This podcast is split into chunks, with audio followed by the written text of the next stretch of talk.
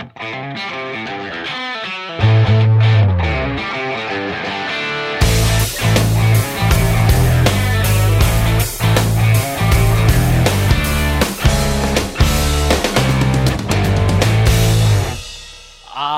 yes, Da var vi tilbake igjen med en eh, ny episode av eh, Stolthet og ære. Og Ole Jonny, vi, går rett på sak. Eh, dagens gjest, der har du en morsom historie.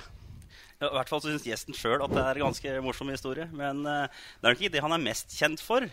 Men jeg har faktisk sett han skåre hat trick Mot Brumunddal på Sveum. Ikke sant? Fine mål. Fine mål. Fine det mål. var ordentlig fine mål. For dagens gjest det er jo et eh, multitalent fra Ottstad. Han er eh, programleder, han er eh, reporter, han er imitator, kommentator, podkastmann og generelt en ganske funny fyr. Han er kjent fra TV 2 og driver med både sykkel, fotball, ski, hockey og mye, mye mer. Vi har fått lånen fra B-laget denne uka, og dagens gjest det er selvfølgelig Marius Skjelbæk. God aften. God aften, Marius. Hjemme på Hamar og skal jobbe litt med hockey nå. Ja, hyggelig det. Å kombinere litt jobb med å hilse på litt eh, gamle venner. Jeg og Suntebassen har jo, eh, har jo en eh, forholdsvis lang historie. Hyggelig å tusle gjennom labyrintene her i Grønnegata, hvor jeg ble formet som både menneske og, og arbeidstaker. Så det er hyggelig å være tilbake igjen her på HA også. Fordi eh, jeg la jo, eh, når jeg la ut at eh, vi eh, skulle ha deg som gjest, så brukte jeg jo et bilde fra, fra nettopp denne tiden. Og det, det ble det reaksjoner på. Ja, det gjorde det. Og det kan jeg jo på sett og vis forstå òg. ser jo ut som en blanding av en litt sånn En litt sånn irriterende drittunge, halvveis litt sånn Stureplan, partysvenske. Eh, det er noen kviser der som åpenbart har kommet etter noe barbering som jeg skulle prøve meg på. Fryktelig stygg United-drakt òg. Jeg husker jeg syntes den drakta var skikkelig stygg med den svarte eh, greia som gikk over brystet. Så tusen takk for det. Det er hyggelig at, eh, at uh, mine gamle venner her på Hamar uh, markerer uh, min tilbakekomst på den måten. For det var jo, vi fikk jo, det var jo Etter at du retweeta meg på den, så fikk vi jo så utrolig mye Og det var jo en som spurte om hvem var det som var størst nevemagnet av deg og Markus Pedersen på Hamar på den tida der. Det, Klink, Pedersen. Klink. La nå ikke det være noe som helst tvil om. Det var, han delte også ut mer enn meg, tror jeg. Men hvis jeg skulle ha gått og slått noen, så tror jeg nok heller jeg ville ha slått meg. Sånn, med tanke på at da var det vel eh, atskillig mindre fare for å få igjen. Jeg var en veldig, veldig snill gutt. Du så bildet, Ole? Ja, og jeg har aldri opplevd et plinge så mye på telefonen min noen gang. Jeg tror jeg tagga den der greia der. Det var jo likes i, herfra til månen, holdt jeg på å si. Men eh, det stemmer jo, det. Skjelbæk var jo en eh, ordentlig godgutt, en kramkar. Han har jo eh, Hva skal jeg si? Skikka seg, er feil å si, men har jo på en måte tatt noen eh, steg utseendemessig på sveisen, i hvert fall, siden den Ja. dagen der. Så, Men eh, hva, hva skal jeg si? HA var jo, har jo forma flere store stjerner de, i, ute i den store journalistbransjen, så det er jo morsomt å se da, hvordan Marius har, eh, har blitt en, en altså, har blitt Norges kjæledegge, på sett og vis. Er du den nye Davy Vatne, eller hva liksom er greia nå? Nei, det tror jeg ikke. Jeg er vel ikke så opptatt av den nye og den gamle og sånn, men uh, det er noe Det er jo hyggelig i, uh, i en jobb som er litt rann, uh, utsatt sånn på diverse eh, Kall det sosiale eller usosiale medier for eh, mye sånn drittslenging og sånn, da. Så er det jo faktisk ganske hyggelig å vite at Eh, jeg vil tippe at et sted mellom 95 og 98% syns det er hyggelig at, å se folk på TV. Og folk flest tror jeg liker det de, det de ser på. Så er det et fåtall som kanskje får litt mye oppmerksomhet i sånne ting. Men det, det bryr jeg meg ikke så veldig mye om. Og dessuten så er det veldig lite også. Det, eh, det er en del av pakka. Folk må få lov å mene det de vil, tenker jeg. og, og her på Hamar er de alltid veldig hyggelige, da, syns jeg. Så, så det er litt stas da å komme på Storhamar òg.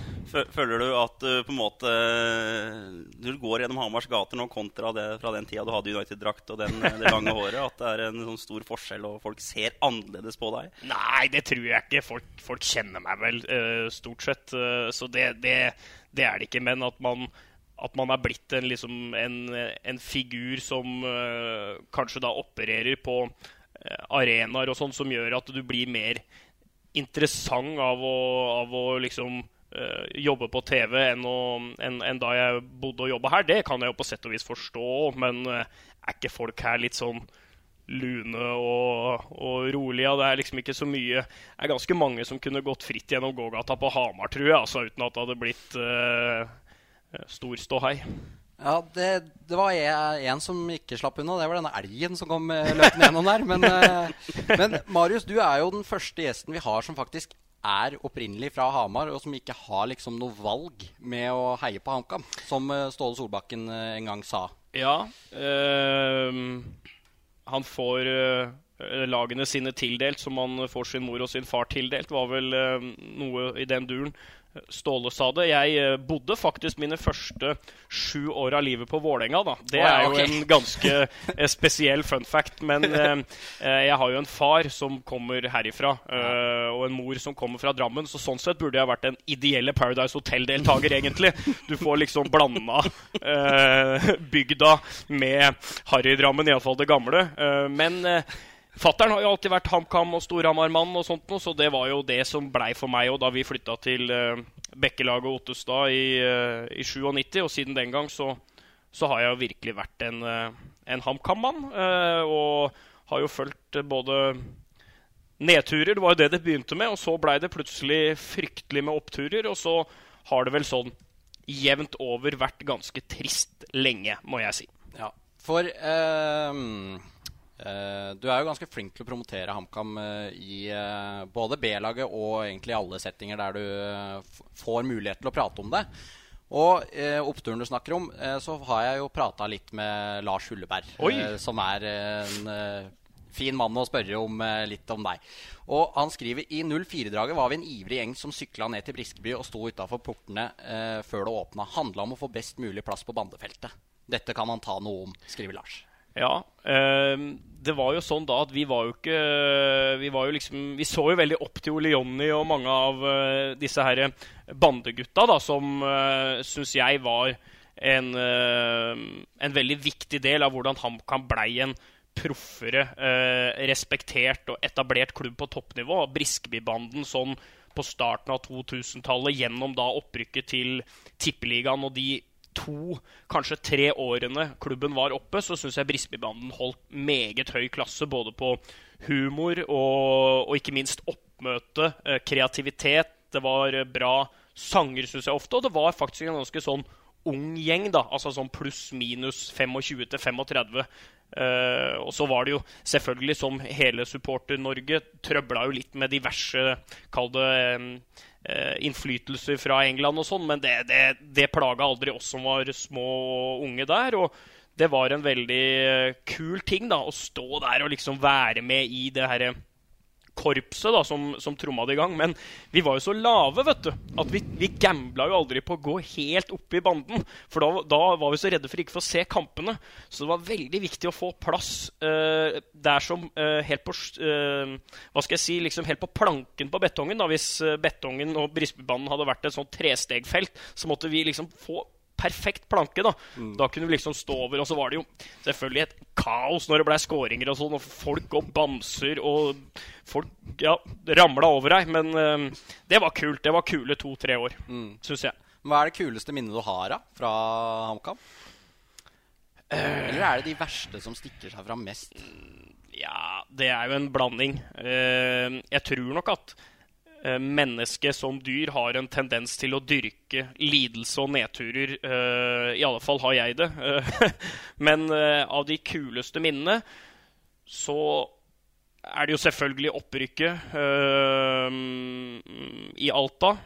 festen her på torget, Frode Birkeland i en forferdelig beige dress som dro opp ropene om seg selv. Forsanger på egen sang. Det er ikke så mange andre enn Bruce Springsteen og sånn som tør det. altså. Uh, egentlig hele den 04-sesongen. Uh, eh, seieren her hjemme mot uh, Rosenborg 2-0. Abiodun inn der og ødela Erik Hoftun for alltid. 1-1 mot Tromsø, hjemmekampen tidlig hvor Peter Sørensen skårer, og du skjønner liksom at kanskje blir dette her en sesong som definerer hele den epoken her. Da. At det blir laget som ikke gir seg på tørre møkka. Kom tilbake på Fosshaugane, kom tilbake mot Tromsø hjemme så den, den, den skåringa til Peter Sørensen mot Tromsø der, og den, den sitter faktisk skikkelig i meg også, som et uh, sterkt øyeblikk. Mm. Husker du det, Ole? Ja, jeg husker det godt. og Det er riktig som Marius sier. eh. Og det tror jeg kanskje må bli, bli liksom litt av programtendensen vår her. Og Ståle snakka mye om det i året her. Espen han var inne og snakka om det, snakka om de åra her, og du og nå, Marius. Vi må begynne å finne gjester vi nå etter hvert som eh, var i de vonde åra, som vi tar år for år framover. For det er jo nesten, glemt det. Ja. Det er det som er problemet her. Men vi husker jo også busstur til Åråsen, og HamKam skulle spille en kveldskamp, og så vinner du 1-0 på Åråsen. Veldig spesielt for Ståle, spesielt for Geir Frigård, som kommer fra Romeriksområdet. 1-0. Den, den nå syns jeg var uh... Nei, det var egentlig nesten hele den sesongen. Det var en to-tre skikkelige møkkakamper i 0-4. Men det var bortimot det, altså. Det, det var et eventyr nesten hele sesongen. Ja, det var jo perfekt, og det kunne jo krona det med Det var jo den tida her så handla det mye om å komme til Vi prata mye om å komme til Royal League, Ja. som liksom var en sånn der vinning. Drømmen om Royal League! det, drømmen det definerer jo HamKam litt. Det er liksom det nærmeste vi har vært Ja, det Shangri-La. var sånn, var sånn følte at jeg kunne komme til Royal League, da, som liksom var det store. Og vi var jo i nærheten nå. eh, og vi var jo på et eller annet punkt i siste serierunde, så var det jo nummer tre. Ja. Det var ikke mange minuttene, men på et lite punkt siste serien så var det oppe på tredjeplass. Og det kunne jo også betydd en europakvalik på det punktet. Så nei, vi fikk jo, Norge fikk jo faktisk en Fair Play-plass òg, som gjorde at vi kanskje spekulerte i om at det var mulig å komme inn i Europa. Men så ble det, den plassen ble det gitt til det laget som faktisk leda Fair Play-tabellen. ja. Bent Leikvoll-tabellen. og Nissene på er låven-greier. ikke sant? Samme nivå, ja. Og det, det husker ikke hvem som fikk det, men de fikk jo Selv om HamKam var det nest laget som skulle bli kvalifisert, så fikk de ikke den muligheten. For det var faktisk et annet lag som fikk det i Norge. Det husker jeg var fryktelig irriterende. Men så trodde man jo da, som vi snakka om med Ståle òg, at man skulle eh, sesongen etter, da når vi åpna med å slå Vålerenga der, så sa jeg jo den gangen også at jeg var jo sikker på at vi kunne serien. Mm. Trodde jo på en måte at det var ingen som kunne slå oss. Det var jo ikke sånn at det var noen sånne De som på en måte typiske topplagene i dag, var jo ikke det da. Rosenborg har jo alltid vært det, men Molde var jo en dumpekandidat og rykka ned. Lyn var vesentlig bedre. Ja. Tromsø var vesentlig bedre. Det er riktig, det. Så det ja. Fredrikstad etter hvert. Mm. Men eh, nå, må vi, nå må vi videre. Vi kommer alltid inn på dette sporet her. Eh, men eh, hva med din eh, Vi var jo så vidt inne på det. Din egen fotballkarriere. Åssen eh, Er det noe eh, å skimte med der? Nei, helvetes høyrefot, naturligvis. Ja, Bra for- spilleforståelse. Ja. For det har jeg jo fått innspill på Ja, av, av. Lars. Det er vel to år siden han mente han hadde topp ti høyrefot i landet. Står han fortsatt bak det? Jeg kan i hvert fall si at Lars Hulleberg er ikke topp ti høyrebein i Han er det er, det er sånn Pål Jacobsen er nesten mer tobeint enn Lars Ulleberg, altså. Eh, men eh, Nei, det, det var jo bare en fleipete greie. Men jeg skjøt, jeg skjøt ganske bra, det gjorde jeg. Men det var aldri noen Jeg var ikke god nok til å trene, og da jeg blei sånn 18-19, så så syns jeg faktisk ikke det var Det ga meg ikke så mye mer å liksom skulle trene en eh, tre-fire kvelder i uka på det. Og jeg jobba jo her og hadde liksom ikke all verdens tid til å gjøre alt mulig. Men jeg hadde jo da mitt siste år som spiller. Det var jo, da var jo faktisk Jan Munch Michaelsen eh, treneren min. Og det var ikke det at jeg, jeg hadde nok ikke hatt anledning til å bli noe særlig bedre. Da var på en måte skaden allerede skjedd. Men jeg lærte utrolig mye om fotball av eh, Jan og eh, treningene. eh, snakket mellom treningene. eh, hvor nøye Altså, da var Jan en voksen mann, altså. Men hvor nøye han var på kosthold, hvor nøye han var på Jeg vet ikke om han dreiv med yoga, men hvor utrolig eh, påpasselig han var med kroppen sin, fysikken sin. Der lå jo helt klart Jan og eh, helt sikkert mange meddansker langt foran eh, en del norske. Jeg tror at den revolusjonen kom tidligere til Danmark da, med, med det her fitness og den type ting. Og det var jo en grunn til at Jan holdt så lenge som han gjorde. Og tippeligaen midt på 2000-tallet, og for så vidt også nå, det er ikke noe lett liga å komme for å trappe ned i. Det er ganske få uh, suksesshistorier på spillere som er kommet tilbake bare for å Æ, Moa, jeg tar noen år i Vålerenga. Riise, jeg kommer liksom bare bare til Ålesund. Husker Brede Hangeland sommeren 2016, da han var da han var ferdig i Crystal Palace, hadde noen tilbud fra diverse steder i Europa, diverse steder i Asia. Var også mulighet for å komme hjem til Norge, og han sa 'glem det'. Glemmesak. Komme til en liga hvor alle kan slå alle. Relativt høyt tempo, ekstremt kompetitiv måte å spille fotball på. Det er ikke noe walkover eh, å komme til eh, Kristiansund og, og, disse stedene her. Altså. Så det er også et veldig imponerende aspekt ved Jan Michaelsen, hvor god han faktisk var på tampen av karrieren sin i en mm. tøff liga. Mm. Det var ingen walkover på Nordre Åsen heller, Ole? Vi skal tilbake dit, ja. Vi, ja, vi, vi skal snakke litt om den. Skal, nå er jo det en forelda sak, på en måte, men uh, vi må snakke bitte litt om uh, den matchen. For du advarte jo, eller du I forrige podkast med Helstrup Olsen så snakka jo om det med identitet og hvordan de skulle spille. Og det ble jo mye langt mot Midtskogen, og det ble null poeng. Det ble det. Men jeg tror det er liksom viktig å ha to aspekter fra Nordre Åsen-kampen nå. er at Jeg syns jo at HamKam-laget i første omgang så sånn noenlunde ut som det vi kunne forvente såpass tidlig. For det tror jeg er viktig at vi Hamar-publikum også ser på det som en prosess nå. Altså. Eh, det å spille fotball på den måten er på en måte krevende. Og det, det, hvis du lar for mange sånne uten altså hva skal jeg si, som ikke har går på eh, Det her med bane ble jo en stor ting, da. Eh, og det merka vi litt i den sendinga at det her ble, skulle det tas hensyn til. Og, jeg mener at det skal jo ta hensyn til òg, for ellers blir det naivt. Problemet var at de løste en oppgave ganske bra i første omgang, men i andre omgang så glemte de helt av det. Og da ble det helt eh, Det var, det var elendig. Og da, da, var det litt som vi snakka på òg, at uh, hvordan skulle komme seg unna de uh, tunge periodene i kampene med å spille 0-0. Uh, og så gjenvinne initiativet. Og det skjedde ikke. Så slipper de inn, og så mister de. Og det er jo klart en grov personlig feil på 1-0-målet. Det er jo irriterende òg. Så man kunne kommet unna på Nordre Åsen i en vanskelig åpningskamp tross alt, med poeng. Men det er litt skuffa over at man mista seg sjøl som de gjorde i andre omgang, selvfølgelig. Mm. Men um, ja, man blir eh, det, det, sier alt om fotball. Det kunne vi kanskje se tendensen litt til i helga som var òg. At de igjen bruker litt sånn Dekket er så ræva. Det ser jo ikke bra ut heller. Jeg så faktisk så litt på det dekket. Det var jo, det var, nå er det jo dratt av, så det er uh, Guds lykke. Men nå da stilles forventningene deretter òg i neste kampene. Så Nei ja, vi ser på en prosess her. Jeg er klokkeklar på at vi det her er en riktig vei å gå. Men uh, og det, Derfor er det ekstra viktig da, at den seieren mot Tromsdalen kom òg. For hadde det ikke blitt det nå, blitt uavgjort der eller tap i verste fall, så hadde man plutselig da, da blir man stressa, og da kaster man ideer og tanker på båten. Mm. Så, men at det, prosessen for HamKam til å bli et stabilt topplag blir forsinka med tanke på den måten å spille på, pluss en del av det materiellet de sitter igjen med mm. eh, fra den forrige generasjon, det, det, er ingen tvil om at det vil det bli. Mm. Du så matchen, eh, Marius?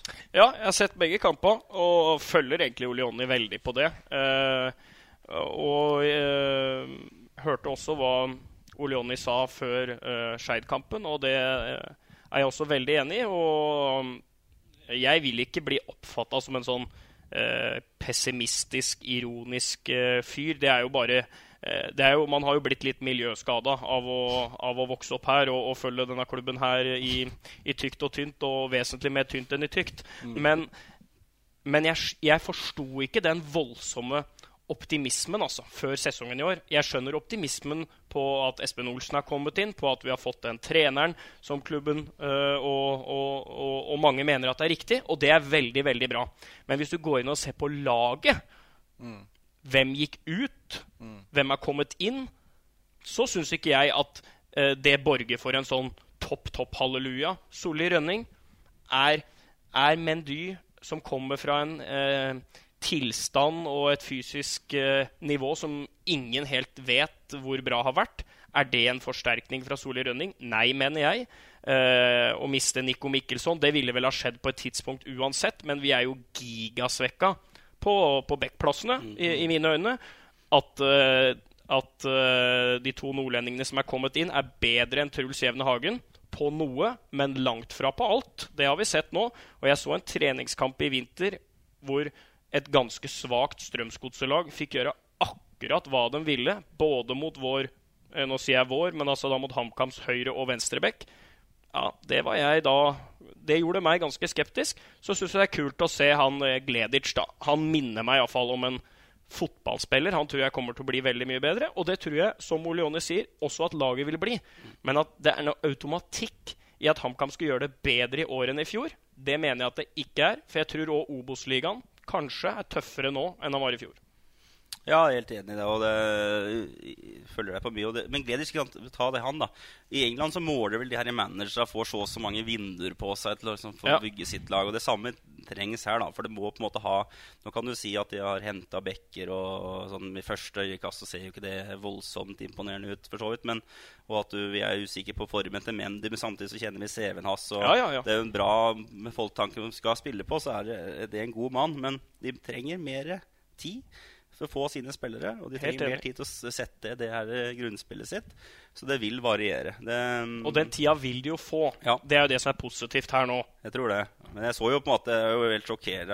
Sånn er det, da. Man er jo, dette er jo klassisk uh, Hamar, da. Man blir jo utrolig svart-hvitt ganske tidlig. Jeg så jo på det eh, HamKam la vel ut et eller annet på Facebook rett etter Skeid. De har tapt. Og så kommentarfeltet der. Det er jo Og da er det jo sånn Det er så typisk Ja, HamKam og sånn. Men Det er, jo, det er jo sikkert flere av dem som hører på det her òg. Ja. Og det er jo som sier at det er jo Det kommer jo noen tanker og ideer og ting som kanskje man skal spare seg for. Men skal man si at sosiale medier er jo en plass for å virkelig ytre seg på alle Ja, mulige måter. og, det, og jeg tror HamKam skal være takknemlig for at det tross alt ligger det herre eh, både det eksisterende og det latente engasjementet i bånn. Det er fryktelig mange klubber som hadde bytta vekk eh, vekk brukbare resultater og ingen oppmerksomhet med HamKams brukbare resultater, tross alt.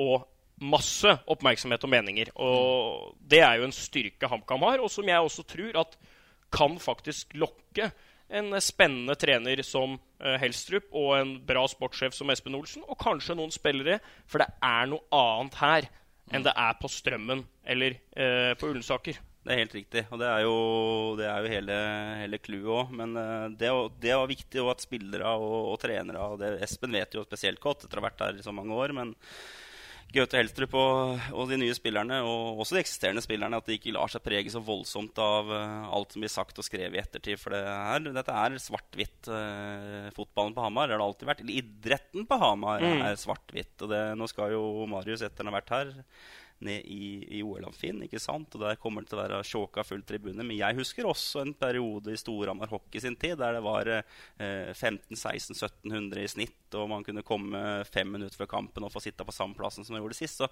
så, og ting utvikler seg, og det er som Marius sier, idretten på Hamar er, er svart-hvitt. Men når det er hvitt, da så er Eller grønt og hvitt. Ja, ja, når det er grønt og hvitt, da er det veldig få andre plasser eh, som jeg tror det er spesielt morsommere å være god fotballspiller på. Men dette er en, synes jeg, en veldig interessant diskusjon, egentlig hele Hamar-idretten. Eh, eh, Storhamar versus HamKam, da. Eh, så er det jo, som Ole Jonny sier eh, Jeg husker også tider hvor jeg eh, dekka Storhamar her, og du sier 1500-1600. Det var til og med ganger det var mindre der. Mm.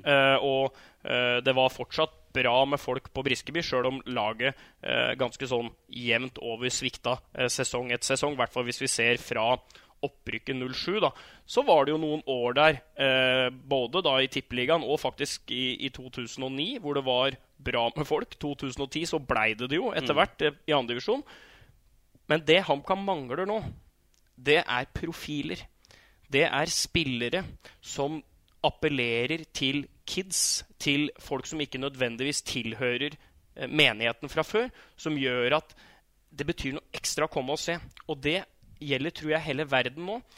Det der med at du skal følge laget i tykt og tynt helg etter helg sånn, kontra det å følge enkeltspillere i, i måten eh, man internasjonalt bytter klubber på, der tror jeg nok også man ser en tendens. Og der tror jeg at spillere som Larivé, som eh, Patrick Thoresen, som Cody Curran Disse selger ekstra billetter hele tida, fordi at det er snakkisen. Mens et, eh, et eh, spillesterkt eh, nytt HamKam i en ny formasjon med en, en ny, spennende trener, det er ikke noe det tar, det tar litt tid at eh, en 12-13-åring skal gå og glede seg til det. altså. Så jeg savner litt disse her profilene som det vi hadde i Abiodun, i Michaelsen, i Kinast. Det var jo attraksjoner. Addemoland. Ademola, ikke sant? Ademola, Ja, ja, mange. Men det var attraksjoner. Det. Daniel Novak. Det var Ja, jo. Ja, jo, det jo men det var sånne Supernova, ja, var jo en helt, det ikke sant? Det var det, det attraksjon, det. Men det er som jeg sier, da, det, det tror jeg får stor forskjell på hockey og fotballen, spesielt uh, her. da. Det er at Var en dårlig sesong for Storhamar, da. De spiller uansett eh, da masse kamper mot Vålerenga, mot Lillehammer. Eh, de kommer garantert et sluttspill. De klarer å ha noen ålreite spillere her uansett. En dårlig sesong for HamKam, det har jo vært eh, Tromsø 2, det. Eh, fl- Tap attpåtil Ja, i serieåpning. Ikke sant? Førde. Eh, de spiller jo på samme nivå som, eh, som Ridabu og Ottestad. ikke sant? Det er jo, det er jo en klubb de tapte for for tre år siden. I, på slutten av sesongen. Ja. eh, I annen divisjon. Så, så det er jo, jeg sier at det, det blir så det forsterker jo bildet veldig. da det, det er jo på en måte fordelen Storhamar har, da mener jeg på hockeysida. Er at eh, en dårlig sesong så får du fortsatt noen tøffe kamper, og du har noen ålreite profiler som, eh, som er der. Og det tror jeg er enig med Marius òg, men det er vanskelig å få, få typ profiler til til HamKam. Det koster, for det første. Det er ikke penger vi har mest av. Og så er det slik at uh, i hvert fall sånn de tenker å spille fotball nå, så er det kanskje ikke en Addemola eller Nei. en Daniel Novak som de først og fremst trenger. Men eh, ja, én profil, nesten i hvert fall, som eh, putta to mot Tromsdalen. Kristian Løse Aansrud, han var i fyr og flamme.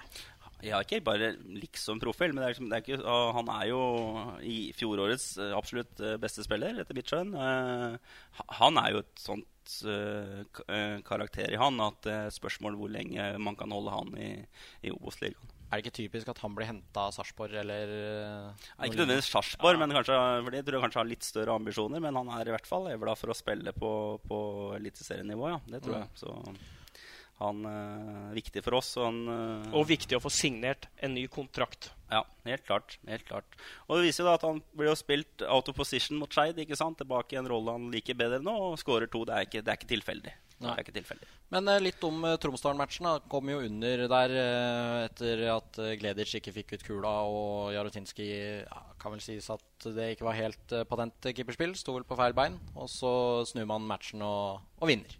Tar tre poeng. Ja, og det handla jo mye om at de bevarte roen og trodde på det og fortsatte å, å køle på litt. Og så Tromsdalen var for øvrig et veldig godt spill. Vi ser jo at eh, Helstrup Hvis du så mange som skrøt av eh, Tromsdalen Der ser du på en måte, Med tanke på det spillemateriellet Tromsdalen sitter igjen med nå, så var det imponerende hva de fikk til. Eh, så Der så man kanskje konturer av de som lurer litt på, på hvor HamKam skal. Så så man litt konturer av det i, i Tromsdalen-laget. Men igjen, de er litt for svake og gjør, gjør da selvfølgelig noen åpenbare feil, som HamKam straffer alvorlig. Og det syns jeg er godt å se, da, at det er et HamKam som kan eh, faktisk eh, eh, utnytte feil hos motstandere på en såpass brutal måte som de gjør ved de to anledningene de skårer. Mm. Enig i den eh, analysen, Marius? Ja. Og jeg syns at eh, HamKam så eh, bedre ut, eh, tøffere ut og litt sånn eklere å møte ut med eh, Simen inn. Eh, og eh, enig også med Ole Jonny at jeg, jeg syns nok at han, Onsrud er bedre når han kan komme litt bakfra i bana. Uh, som en Kall det en, uh, en spiss, så veit jeg ikke helt da ennå. Uh, dette har jo eh, sikkert dere sett i flere treningskamper enn meg, men jeg ser mer på han som en, som en spiller som er bedre når han kan eh, komme og, i fart og, og har muligheten til å fylle på i boksene, få brukt skuddet sitt, eh, sånne type ting. da, Og enig i at han er den Altså, Han var jo fjorårets beste, og han kommer antagelig til å være årets beste. Bra at Markus Solbakken da fikk en assist. assist. Eh, håper jo, og tror jo for så vidt, at dette er en sesong han kommer til å ta litt mer for seg. Altså ha litt mer sånn faenskap i seg. For det han er veldig veldig god på, er jo å være en motor og en dynamo i laget og drive spillet og, og den type ting. Og det er en veldig flott egenskap, men uh, han må nok også uh, Det er jo ikke hans rolle nødvendigvis å skåre mål og, og, og bidra med assist og sånn, men, men det vil nok hjelpe han litt da, uh, å, å gjøre det. Men det, er, det er fortsatt veldig bra da når man sier de navnene. Markus Solbakken, Simen Bolkan Nordli at, at man har tross alt mer eller mindre egenproduserte spillere som, som er dominerende i laget, da, det syns jeg, jeg er veldig gledelig. Bolkan Nordli ble jo tatt ut på rundens lag eh, etter å ha spilt eh, 45 minutter. Vil tro at han starter mot eh, Sotra nå neste match, eh, Ole. Simen Nordli spiller hver eneste kamp, hvert eneste minutt, han, eh, så sant han er skadefri. Ja. Der tror jeg det var en, eh, en eh, fysioavgjørelse på at han hadde 45 i seg. Eh, Og han har jo slitt litt med skader, og han har vel noe eh, De følger jo det bra opp, selvfølgelig, men eh, han er jo Han er klink. Ja, ja. Er klink. ja, ja. Men de får det, de får det tøft nå, altså, ute på Sotra. Jeg var faktisk på Sotra og så da Kama-Sotra. Eh, Det er jo et eh, litt sånn seksuell undertone i, i det oppgjøret. Jeg så den kampen i fjor. Da var jo HamKam skrekkelige uh, ute på Ågotnes. Eh, det vil de ikke være nå, men Sotra uh, Dere som jobber med odds og sånn, har jo sikkert litt bedre peiling på meg enn dette her, men altså Nesotra må jo ha fått forferdelig dårlig betalt i de to første rundene. Jeg, så den første kampen mot Raufoss. Ja, da ble det vel delt ut både ett og to gule. Ja, ja, og det, det var jo én ting, men, men de hadde jo så mye sjanser at Raufoss kom unna der med tre poeng. Det, det hadde aldri skjedd hvis de hadde spilt den kampen ti ganger til. Og så hadde de vel Ulf nå, hadde de ikke det? Eh, og Det litt samme tendensen der, var det, eh, var, det, var det noen som sa. Så de er ikke, eh, de er ikke lette å ta. Og så Strømmen kanskje bedre enn det de, eh, det de er spådd å være. Så HamKam skal være glad de fikk den trepoengeren. Fullt fortjent riktignok mot Tromsdalen, men skal være glad den ligger i banken nå, altså. Ja, det er akkurat det, og det er det det handler litt om for å kunne fortsette å, å, å gå den løypa her. Og få, føle at en får resultater med å gjøre det. da. Og Hvis man ikke gjør det, så blir man stressa, og så blir det kåle på med lagoppstillinger, og så Ja. begynner omgivelsene å presse litt på, og så er det noen som uh, styrer pengesekken, som blir litt stressa. Det, det er mange faktorer som gjør at det er viktig å få en trepoenger, og det er egentlig viktig for HamKam å reise nå til Ågotnes. og å få, å få poeng. Um, så, så vi kan fortsette på det der. For det jeg har sett mange gode ideer. Dette er jo litt som vi ser i Rosenborg nå. Altså, Hvor lenge er det nå? er jo det virker jo som sesongen er over eh, når man leser medier. og Det er, flaut og det er vanskelig. og Hornland var jo faktisk lurte på om de her var, eh, var det slik at de var matchfit nok. Ikke sant? Også, det er vel et prosjekt på gang der òg, men, men det er, jeg tror det er lettere å, å gjøre det her. Og, hvis, og Rosenborg sin del, da, hvis de ikke får eh, tre poeng mot Stabæk nå, så ja, da begynner det å brenne et lys allerede nå. Ja.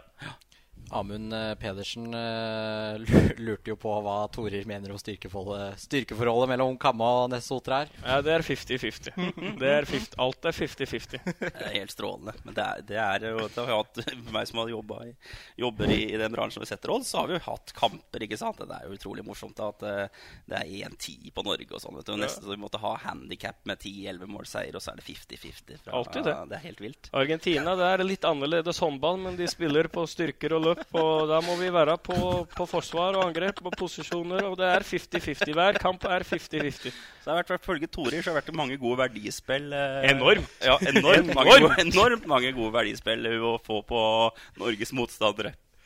Men eh, jo, eh, etter kampen mot Tromsdalen så skal jo nå banedekket på Briskeby eh, byttes. På tide. Ja, jeg sa, jeg, jeg sa litt i stad at eh, de, ja, det er slitt og fælt.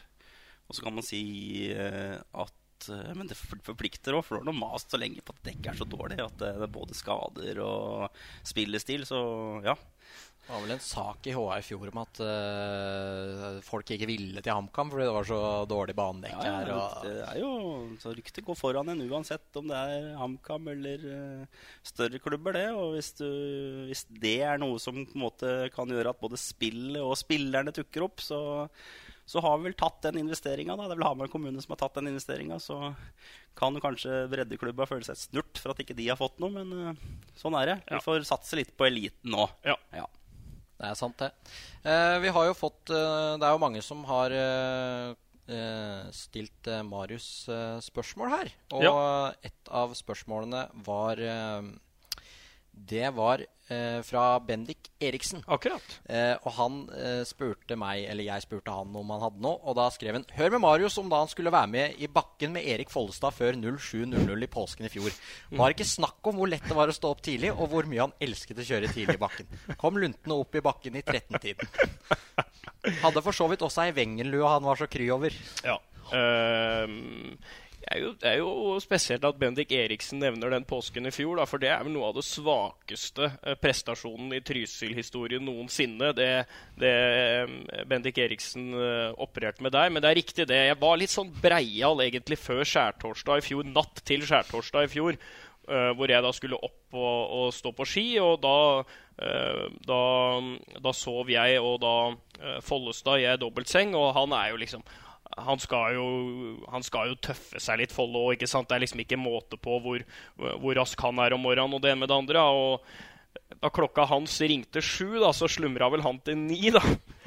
Men når han da står opp, da kommer han eh, han jævla Bendik Eriksen ut, da. Bare for å liksom dokumentere at jeg da ikke skal opp, da. Mm. Eh, jeg var vel Ja, det er riktig, det, altså. Jeg, jeg kom meg ikke opp den dagen. Eh, er nok også et bevis på at en historie er morsommere når man opplever det, enn når man gjenforteller det. Men, eh, eh, men jeg, han skal få den, Bendik, altså. At det var ikke noe sånn. Eh, jeg holdt ikke ord der.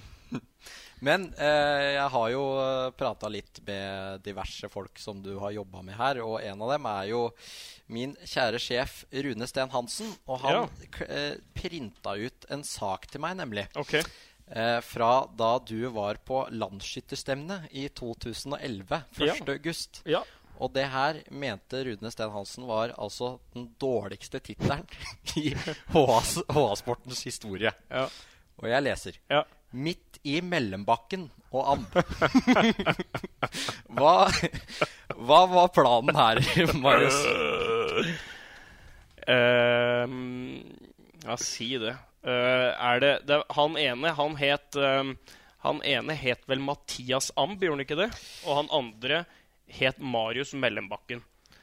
Og de var ganske bra skyttere. Uh, han ene er vel fra Rings, Ringsaker-området, Lismarka eller et eller annet sånt noe. Og så husker jeg at de to de var liksom litt sånn at de, de, var, de var veldig gode, men de nådde liksom ikke helt opp. da. De var liksom helt i vannskorpa til å bli faktisk ganske gode konkurranseskyttere for, uh, for Norge. da, og, og, og sånne ting. Og så skulle jeg liksom prøve å illustrere da på en eller annen måte at dette var litt sånn halvveisere. da, liksom. Og da ble det sånn midt i bakken da, og mellombakken. Og jeg, jeg er jo enig i ettertid at dette var håpløst, men uh, ja. Ja, det, det, var jo det var litt din greie da når du var her, og du prøvde jo på en måte hele tiden å skape noe eget. og eh, men jo, Det som han, jeg husker aller best, er jo de her cornersidene. Ja. Det var jo faktisk det store høydepunktet det, hver eneste fredag i bredde fotballsesongen. Da var det Lars Uldeberg Eller først så var det Stein Erik Ja. Som var i Discovery. Mm. Og deg, da, som lagde de cornersiden. Og så var det Lars Uleberg. Og, og, da, og da var det oppe i, ene, i høyre hjørne der, så var det liksom eh, Der skulle noen sitater komme. da, Der hadde Skjelbæk mange fæle ordspill. Altså, det er holdt, det er, altså For det som har tilgang til HA arkiv, så er det gå og sjekk den corner, cornersida, og så uh, les de her sitatene. Der er det gullkorn på gullkorn på gullkorn, og ordspill som du må lese opptil flere ganger. for å helt å skjønne. Ja, og jo- nærmest med sånn Google Translate. Ja, ja. Altså må nesten ha dem oversatt. hva, hva var det? Så det er jo, men samtidig så står jo på en måte Skjelbæk står for det som er mitt høydepunkt da i ja, Jeg kan ikke si livet, for jeg har jo fått to barn og jeg har ja, flott, er- eh, flott samboer og alt sånt. Så jeg, men eh, sånn i avisa Det er to, to ting som stikker seg ut for en sånn halv, halvlokal eh, variant som meg. da Det ene var da jeg kom, ble, eh, sitt, eller kom på Gubben. Som er min far? Ja, din far. Ja, Ja. nå har vi avslørt det, at det er din far som faktisk Ja, jeg er vet Gubben. ikke ja, Det er mulig det var annet Det var et sånn tittel vi hadde her med var, Jeg husker ikke helt hva det var, men det var i hvert fall slik at det var ordentlig agurknytt da, med meg involvert. Hvor, hvor da gubben sa at det var sunt med agurk. Ah. Ah. Og den andre, og det er kanskje det største som står igjen, er jo da jeg ble ukas storbonde på cornerskia. Ja, ja, ja. Og det var jo ikke fordi jeg spilte vel sikkert i femte divisjon, ja, da, da jeg ble kåret til det. Men det var jo ikke fordi at jeg hadde spilt fotball. Det var for å pause i både tredje og fjerde divisjon, Ja. og egentlig femte divisjon. Ja. Men jeg hadde noe lurt å si om HamKam. Men det var like fullt uh, Uka Ukas storbonde med bilde av meg inne Ja, på ja, jeg bonde. husker det. Ja, det var og det, den har jeg utklippet ut, for det Ja. syns jeg var så stort. Altså. Så det, det, takk. ja vær så Tusen god. takk. Vær så god. Ikke noe mer å tilføye der, eh, Marius? Nei, men det var en veldig fin side, det um, corner, altså. Det, det var veldig moro å jobbe med. Veldig tidkrevende. Det var jo enormt med spalter. Jeg husker vi hadde en sånn glohet på Frøsinn, hvor vi skulle ha tre bra, tre dårlige ting. Det var, skulle være en historie hver dag, det skulle være den storbondegreiene hver dag. Det var eh, alle børsene, som var et vanvittig arbeid med å få inn. Eh, og så var det, skulle du ha en blogg, en slags kommentar. Så det, det tok tid, men det var, eh, det var veldig god respons på det. Og jeg tror egentlig det samla litt sånn Dette var nok akkurat i det Akkurat i den tida hvor eh, det var enten veldig elitetungt, mens bredden, tredje, fjerde divisjon, en liten periode hvor jeg jobba i HA, fikk ikke veldig mye oppmerksomhet eh, i noen år. Men den corner-greia tror jeg egentlig snudde litt om på det. Mm. Og etter hvert så datt jo HamKam nesten ned i bredden nå. Eh, så eh, det var en kul greie. Det var det, jeg husker jo også blant annet den Frøsing-greia. Så kom det jo faktisk spillere Det var jo hendte jo sikkert, da. Jeg, jeg jobba jo ikke her da, men jeg tror jo på en måte at eh, det, var vel sikkert perioder da innenfor den derre eh, cornerspalta at dere, dere, frekventerte byen litt og møtte litt sånn lokale tredje- og fjerdedivisjonsspillere ja, ja. som, som, prøvde å snakke seg inn. Ja, ja, ja, ja, ja, ja, Og det endte jo med at et par av dem havna på Frøstin-lista. At det gikk ikke an å snakke seg inn. Du måtte spille deg inn på lista. Jeg, jeg, husker vi skrev det, men nå, nå er det nok mas. Det er bra. Nei, det var, det var, det var, liksom, det var datidens podkast. Ja, egentlig. Mm. egentlig. Men eh, noe smart om HamKam, eh, Ole. Eh, Strømmen, Sandnes Ulf eh, og Nessotra er de tre neste kampene. Ja, Vi starter med Nesotra. Smart. Nei, jeg, jeg, jeg predikerer det vi eh, har fortsatt å si. Ja. Vi må være tålmodige, og så må vi fortsette det sporet de har tenkt å prøve å, å gå. Eh, og, og så må man må ikke som sier, at det er ikke helt svart-hvitt. Og Det må ikke bli et naivitet i det. Når man vet man møter sånn som pågått nes nå, så vet man trent hva som møter. Men det fins en balansegang på det vi opplevde. Så hvis de kan spille eksempel en omgang som de gjorde første gang mot Skeid, så vil kanskje det være godt nok. Ja. Um, og så kan vi hende vi får ehm, Og så kommer de her neste kamp nå som, som eh, en videre utvikling av det. eh, vil vi se. Identiteten må vokse, og de periodene som er dårlige, må bli mindre dårlige. Og det er en, eh, så det er bare tro mot det man faktisk eh, har tenkt på forhånd nå, som er, eh, som er eh, hele, hele tankesmia mi, i hvert fall. Ja. Det er jo flere på Twitter her som ber om uh, Kalle Noréns eh, tanker om, eh, Ja, ja, ja. om de neste kampene, Marius. Ja.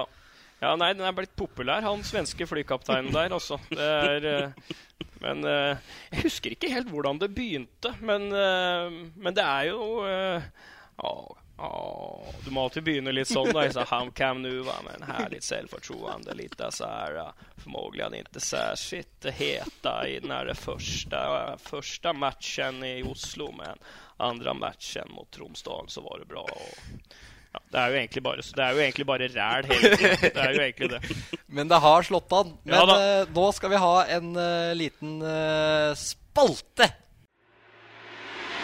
Ei ulykke kommer sjelden alene. Hvem er det som har gått på trynet, Ole? Og nå er det bare å spenne fast sikkerhetsbeltene, for nå skal Ole Jonny Sundt klikke. Nei, jeg skal ikke gjøre Nei, ok, det greit. Men det er eh, slik da at nå har eh, Ja, nå har det skjedd igjen, kan man si.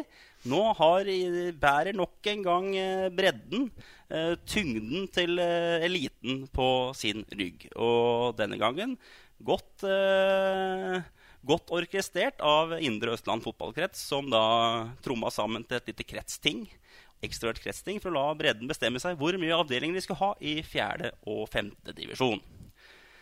Eh, som vi var inne på i stad, eh, breddefotballen den, eh, Før så var jo det tredjedivisjon. Det var jo den tida Marius skrev cornersida si, så var jo det som var det store. Og den tida hadde vi jo to fulle avdelinger som vi kalte for Bondeligaen. I tredje divisjon med lokale lag. Det var lokale kamper, og det var, eh, det var eh, Ja, det var gode tider, for å si det rett ut.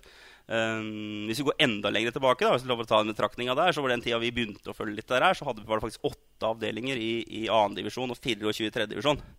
Den tida her så var, hadde vi to norske lag i Champions League og et landslag som spilte sluttspill.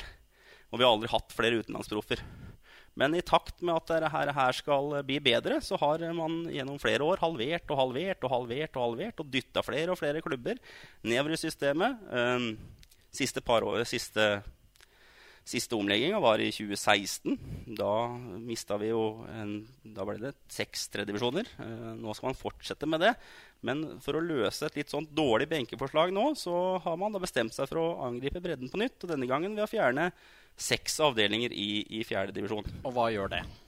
Det gjør at eh, vi mister igjen en masse lokale lag og dytter ned femtedivisjon. Og så snakker man hele tida om at eh, man skal må trene mer og sånn. Men jeg tror hvis, hvis du, det er ganske feil konsept da, hvis du tror eh, at det blir veldig mange flere som har lyst til å trene mer, og få et større, høyere tall da, foran divisjonen de spiller i.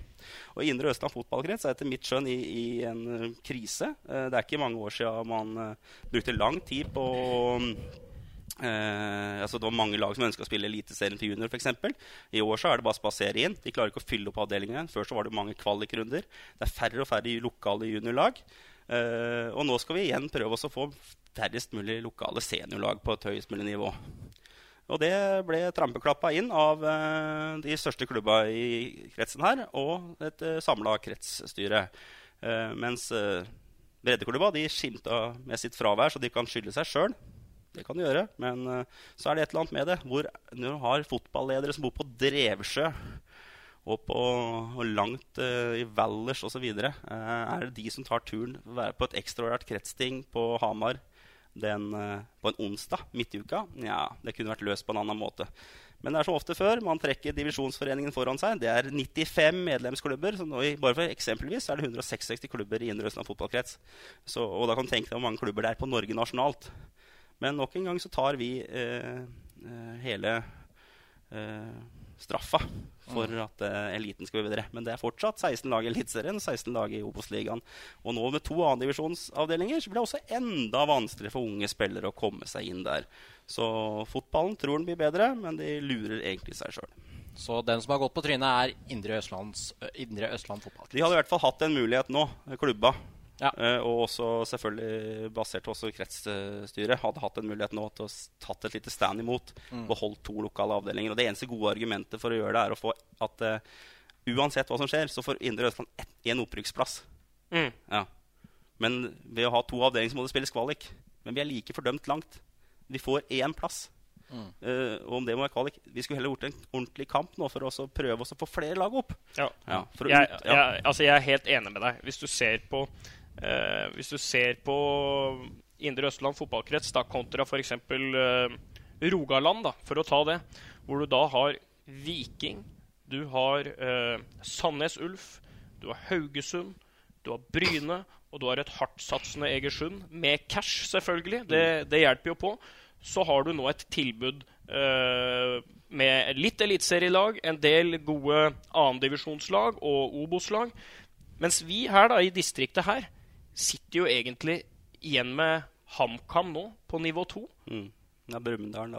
Jo, jo, men ikke sant? Ja. Det, det, du må nesten ned dit igjen. da. Gjøvik ja, har ikke en dritt. Lillehammer har ikke en dritt. Veldig imponerende av Raufoss, selvfølgelig, som klarer å, å nå være i Obos-ligaen.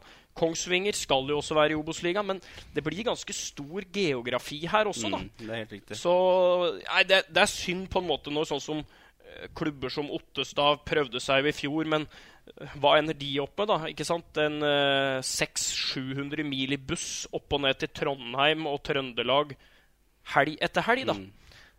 Jeg er helt enig. Det der er ikke bærekraftig i lengden. Altså, det dreper på mange slags breddefotballen. Det som faktisk er ofte inngangsporten for ganske mange. da. Jeg tror ikke at det breddefotballen skaper hundrevis av fotballspillere til eliten. Det er ikke det det handler om, men det handler om å ha en naturlig stige. Og den begynner å bli borte helt fullstendig. Ja. Det var uh, din Du tar litt rygg på den uh, der, du, siden jeg ikke brifa deg før her, eh, Marius. Ja, men jeg, jeg er veldig enig med Ole Jonny uh, ja.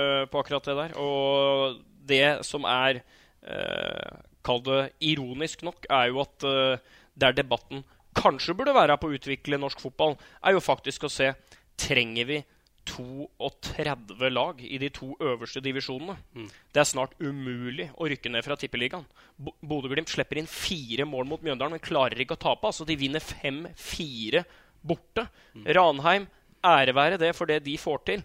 Men hvis jeg skulle sett på strukturen for å utvikle norsk fotball, for å lage en liga som både kan øh, være sportslig og uh, kall det sånn uh, publikumsmessig attraktivt nok, da, så ville jeg hatt færre lag i Eliteserien. Jeg ville hatt færre lag i Obos-ligaen. Så ville jeg heller ha lagd et litt større Hvis du tenker at dette er en pyramide, så ville jeg heller hatt litt mer på nivå 3 og litt mer på nivå 4. Mm, det er helt enig med. Og så kan man si at jeg har på en måte vært forholdsvis positiv til å ha en i en eh, stor tippeliga eller eliteserie. Fordi at det har litt med at eh, vi, det langstrakte landet vi lever i, at det er muligheter for alle å få Jo, men oppleve se når Bodø-Glimt tar Rosenborg hjemme i første runde. Da. Du kan da ikke be om noe bedre. Nei. Og hva skal du gjøre i Bodø da på en kveld en søndag? Nei. Ingenting.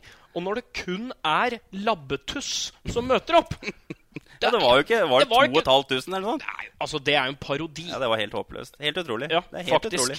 Så det, og det taler på en måte for motsatt igjen. At det, Ja. Jeg støtter eh, Marius da, i det han sier der, at Uh, OK, men Bodø-Glimt har ikke vært bedre på mange mange år. Nei. Det er haug av lokale spillere. Mm, De har mm. fått det akkurat som de vil. Mm. De har nesten ikke tapt en kamp i vinter. Pøsa inn mål.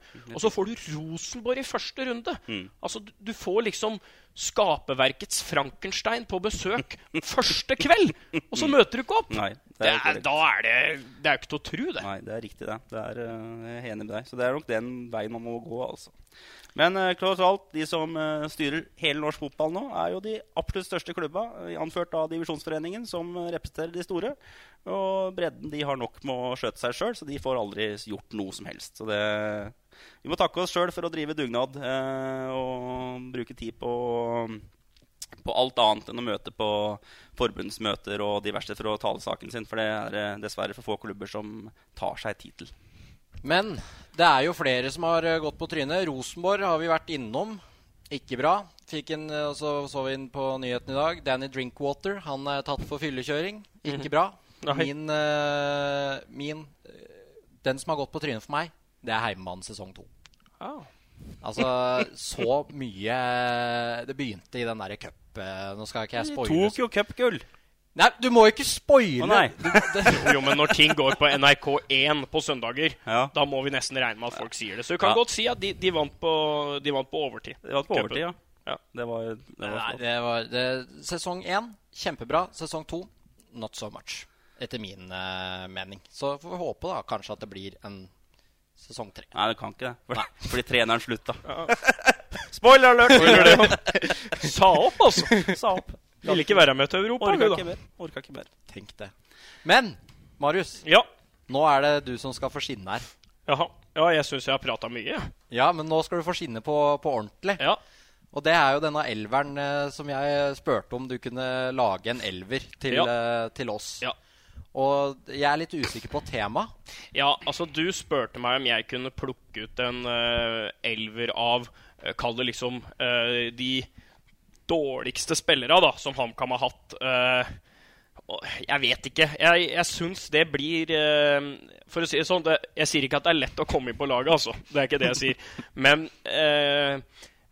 i den tida jeg har fulgt HamKam, da, så har det vært så fryktelig eh, mye forskjellige og forskjellige eh, satsinger, forskjellige budsjetter og sånn, så du kan på en måte ikke sammenligne disse her stakkars frivillige som spilte høsten 2014, med eh, David Mannix for eksempel, og Serjan Urosevic. Så jeg syns det faktisk blir litt vanskelig vanskelig å, å plukke ut en sånn worst off. da, For eh, Arnar Førsund kunne ha sett ut som en million hvis han hadde kommet 2014 da HamKam var på det nivået, men så ja, Skjønner du hva jeg mener? Jeg skjønner, så jeg, så jeg jeg, har faktisk gjort det litt uh, motsatt. Ja. Ikke, jeg, jeg tenkte om jeg skulle tatt ut et lag liksom med mine godgutter, da, favorittspillere. Ja, det blir kanskje det, det blir sånn lite rom for diskusjon.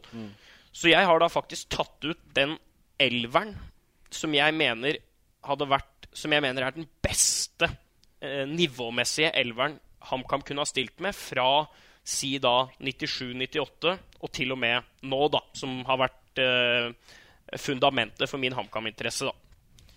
Eh, og da er det jo ikke sånn kjempeoppsiktsvekkende at vi skal eh, Brorparten av dette laget her kommer jo fra uh, The Ståle Days. Trener på laget er selvfølgelig Bergersen. Ja. Naturligvis er det Ståle Solbakken som da blir min, min trener. Men jeg velger keeper Eddie Gustavsson. Ja. Uh, rett og slett bare fordi han er, han er vel den beste keeperen vi har hatt her, tror jeg. Uh, Helt riktig, ja. uh, og jeg, jeg kan liksom ikke plukke Tore Antonsen heller. Uh, Sjøl om jeg syns det er en alle tiders fyr, og, og, og den slags, så har ikke jeg sett han til å kunne ta ut han. Du har han sett den på Cup, da. ja da, Ja. der har jeg sett den. Og prata med han ofte. Og Veldig rart når du hilser på Tore Antonsen. altså. Det er da du skjønner hvor små hender du har. altså. Du blir bare Det er som å putte en sånn Når du putter det inn i et uh, åpent sted hvor du ikke veit hva som er på andre sida av veggen. Sånn er det å hilse på Tore Antonsen. Du blir bare borte inni høyrehånda hans. Gigantiske hender. Høyre bekk, det er jo ingen overraskelse, selvfølgelig. Det er Aksel Smets. Fint valg. Fint valg. Eh, stopperparet mitt er eh, eh, Peter Sørensen. Og er ikke sikkert alle hadde tatt han, men eh, jeg mener at han er klink. Det er Joakim Sørum. Eh, fryktelig uheldig med den eh, skaden på Lerkendal i 2004. Riktignok så hadde han jo en brukbar høst, men jeg tror nok at han kunne ha tatt steg til å blitt en topp, topp midtstopper i Norge. Hvis, hvis det hadde vært litt mer heldig, kanskje. Eh, han hadde egentlig alle kvaliteter på et lag som det Ham Han hadde de kvaliteter et lag som HamKam trengte. Det var jo umulig å passere én mot én. Uh, Venstrebekk, det blir Jarl André Storbekk. Jalla. Så jeg, bli, jeg er vel ikke sånn langt unna at dette her fort var den beste backfireren Ståle hadde i 2004. Nei, men var fortsatt som spilte òg. Ja, Men det er riktig som sier da rundt Joakim Sørum og det, det, det komplementære ferdigheten nå i laget ditt. da Ja. Det er jo helt Ja. perfekt da forhold Ja. til den Peter Sørensen og Joakim Sørum. Det som på en måte er synd, det er jo helt utrolig. Hva, hva kunne vært? Det er sikkert mange som kan tenke det. Men uh, i Joakim Surheims tilfelle så er det absolutt verdt å, å tenke det. Ja. Ja. Uh, vurderte jo selvfølgelig Leif Nordli, da. uh, men han hadde kanskje gått For all del er vel nesten 200 kamper. eh, Ja, ja. Og, og kaptein og, og var veldig god. Han Hadde jeg skulle plukka liksom et sånt favorittlag, så hadde jeg nok hatt med Leif, da. Eh, men det blir de to stoppera der. Ja. Eh, midtbana mi blir eh, Marius Gullerud høyre. Det blir Jan Munch Michaelsen og Vegard Skogheim sentralt. Selv om vel Vegard Skogheim var eh, nivåmessig bedre i, i en eh, periode som gjorde det vanskelig for meg å se han eh, spille så mye HamKam, så var det noe med at han var den eh, redningen da, for HamKam i en tid hvor jeg begynte å følge veldig mye med. og er ikke sikkert at uh, vi hadde fått oppleve verken uh, Sørensen eller Smets hvis ikke det hadde vært for at Skogheim kom tilbake da, da Greib feide HamKam av bana her og, Og Vegard sto bak mål med kameraet sitt på Ja. Hamar Dagblad. Ja. Det er helt vilt. og ga Atle Maurud én på børsen oppe på Stampesletta. Og kom tilbake i garderoben når han hadde gjort, gjort comeback. Ja. Og så sa han ja, vi starter på topp i dag, vi eneren. Ja. ja, Skogen var jo, Skogen var jo liksom den første favorittspilleren min, da. Eh, og, og er klink, egentlig. Venstre blir Petter Vågan Moen. Eh, også han uh, ja, Det er jo mange som kanskje ville ha triksa inn Ante Vitaic og litt sånn her, men for å være ærlig, jeg, jeg vet ikke hvor god han egentlig var. Det er et godt spørsmål. Det Ja. har, har liksom fått noen kultstatus Han var, helt, han var helten på en halv Ja. sesong hvor, Ja. Vi, Ja. hvor vi rykka ned i tillegg. Tapp, vant da nesten ikke en kamp. Nei, han var jo på Marienlyst da han vant. Uh, han Ja, skrudde og. Ålesund her hjemme. Ja, og da var han helt rå. Jo Ja, men da. liksom- Men hvor god var egentlig han Ante det er et godt spørsmål, faktisk. Ja, Vi og, veit ikke hvor god han var. nei, men altså, han, han fikk mer en kultstatus Mm. enn å glede Og du kan godt si den Marienlyst-kampen. Men da hadde han, eh, Jon Masalin, eh, våkna i noe tryllestøv. Ja. Og plutselig Kari. Kesi eh, Ja, ja. der, og Ante Vitarch skrudde inn en corner. Altså, så det, det blei en sånn hiba beriba. Og i den siste kampen mot Stabæk så var de da ikke i nærheten, noen av dem. Så, men enig. Jeg jo likte jo Ante Vitarch, det er ikke det. Nei, nei, nei. Men målt opp mot Jan og, og Skogen får ikke plass hos meg. På topp Abiodun og Roman Kinas. Ja, ja, ja, ja. Roman Kinas, ja. ja. Superroman. Ja, Åh. ja, men det mye, har vært mye ålreite spisser i HamKam Ja da. der, da, men eh, Kunne hatt Geir Frigård. Eh, kanskje jeg burde hatt Geir Frigård i stedet for Roman, men ja, han hadde liksom noen enkeltkamper og en karriere på landslaget. Spilte et EM på ja. hjemmebane. som HamKam-spiller Som HamKam-spiller. Eh, var vel da utleid eh, til Helsingborg, var han ikke det? Ja, ja men, Men om han akkurat kom ja, nei, jeg eller åssen hvordan dette var. Jeg mener jo også, jeg var så stolt av at HamKam hadde en spiller i Ja, ja, ja. Jeg hadde jo det. Mm. Men eh, nei, Kinast hadde jo et vanvittig ferdighetsregister da, og, og en høyde og en litt sånn Olivier Giroud light, da. Og spørsmålet blir jo om han kunne ha gjort mer for å være god og drive med litt andre ting utafor bana enn han gjorde. Og kunne HamKam ha gjort han bedre enn det de gjorde? Altså, men eh, sånn, jeg velger et litt eksotisk spisspar her. Det tror jeg er viktig. er at du, du starter med et lag som i første er ni. Da har du, har du egentlig ni spillere som på, på sett og vis etter mitt skjønn da, kanskje maksa potensialet sitt. Ja. Og så har du et spisspar som ikke klarte det. Nei. Eh, det er også kan si at Joakim Sørum i sin makse potensial, men vi så jo hvor god han var på sitt beste. Ja. tross alt, Så vi fikk på en måte se det. Og at eh, ting ødela for han, det er jo annerledes. Men vi fikk jo på en måte se Abiode nå på sitt beste, og også Roman Kinas. Men der, du tenker jo at de to der, vet du, hvis de hadde ah, Ja. Det var jo et rykte, vet du. Han var på La Manga i 2005, var vel det, da, etter fire, ja. Eh, så gikk det jo ganske klare rykter der nede på at det var Arsenal-folk. Mm.